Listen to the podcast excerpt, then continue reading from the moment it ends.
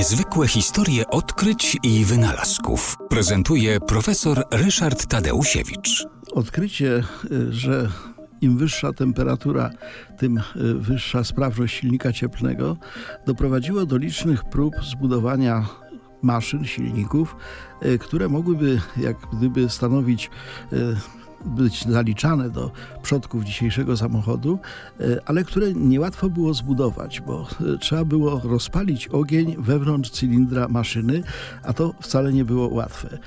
Pierwszy, któremu to się udało, był e, Belg, Etienne Lenoir.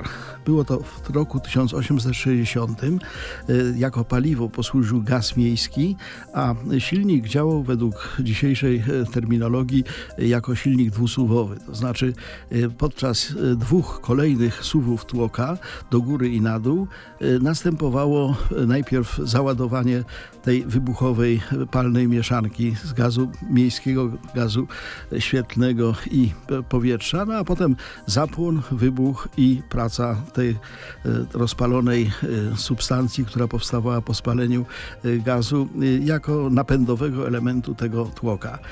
Silnik był raczej ciekawostką, nie miał większego zastosowania praktycznego, natomiast chcąc udowodnić, że ten, ta jego maszyna może być przydatna do czegoś, Etienne Lenoir wziął zwykły konny wóz, połączył ten swój silnik za pomocą pomocą prostego łańcucha, takiego jak e, do wiązania krowy, e, z kołami i jeździł tym urządzeniem, wywołując popłoch, dlatego że ono e, bardzo hałasowało. Był ten silnik bardzo głośny, jeszcze nie, nie odkryto wtedy tłumika, no ale, ale rzeczywiście był to pierwszy silnik, który naprawdę działał w sensie takim, że spalał wewnątrz odpowiednie paliwo, tym paliwem był gaz, napędzał jakiś pojazd, no i można to powiedzieć, że że był to jeden z przodków dzisiejszego samochodu. Rok 1860.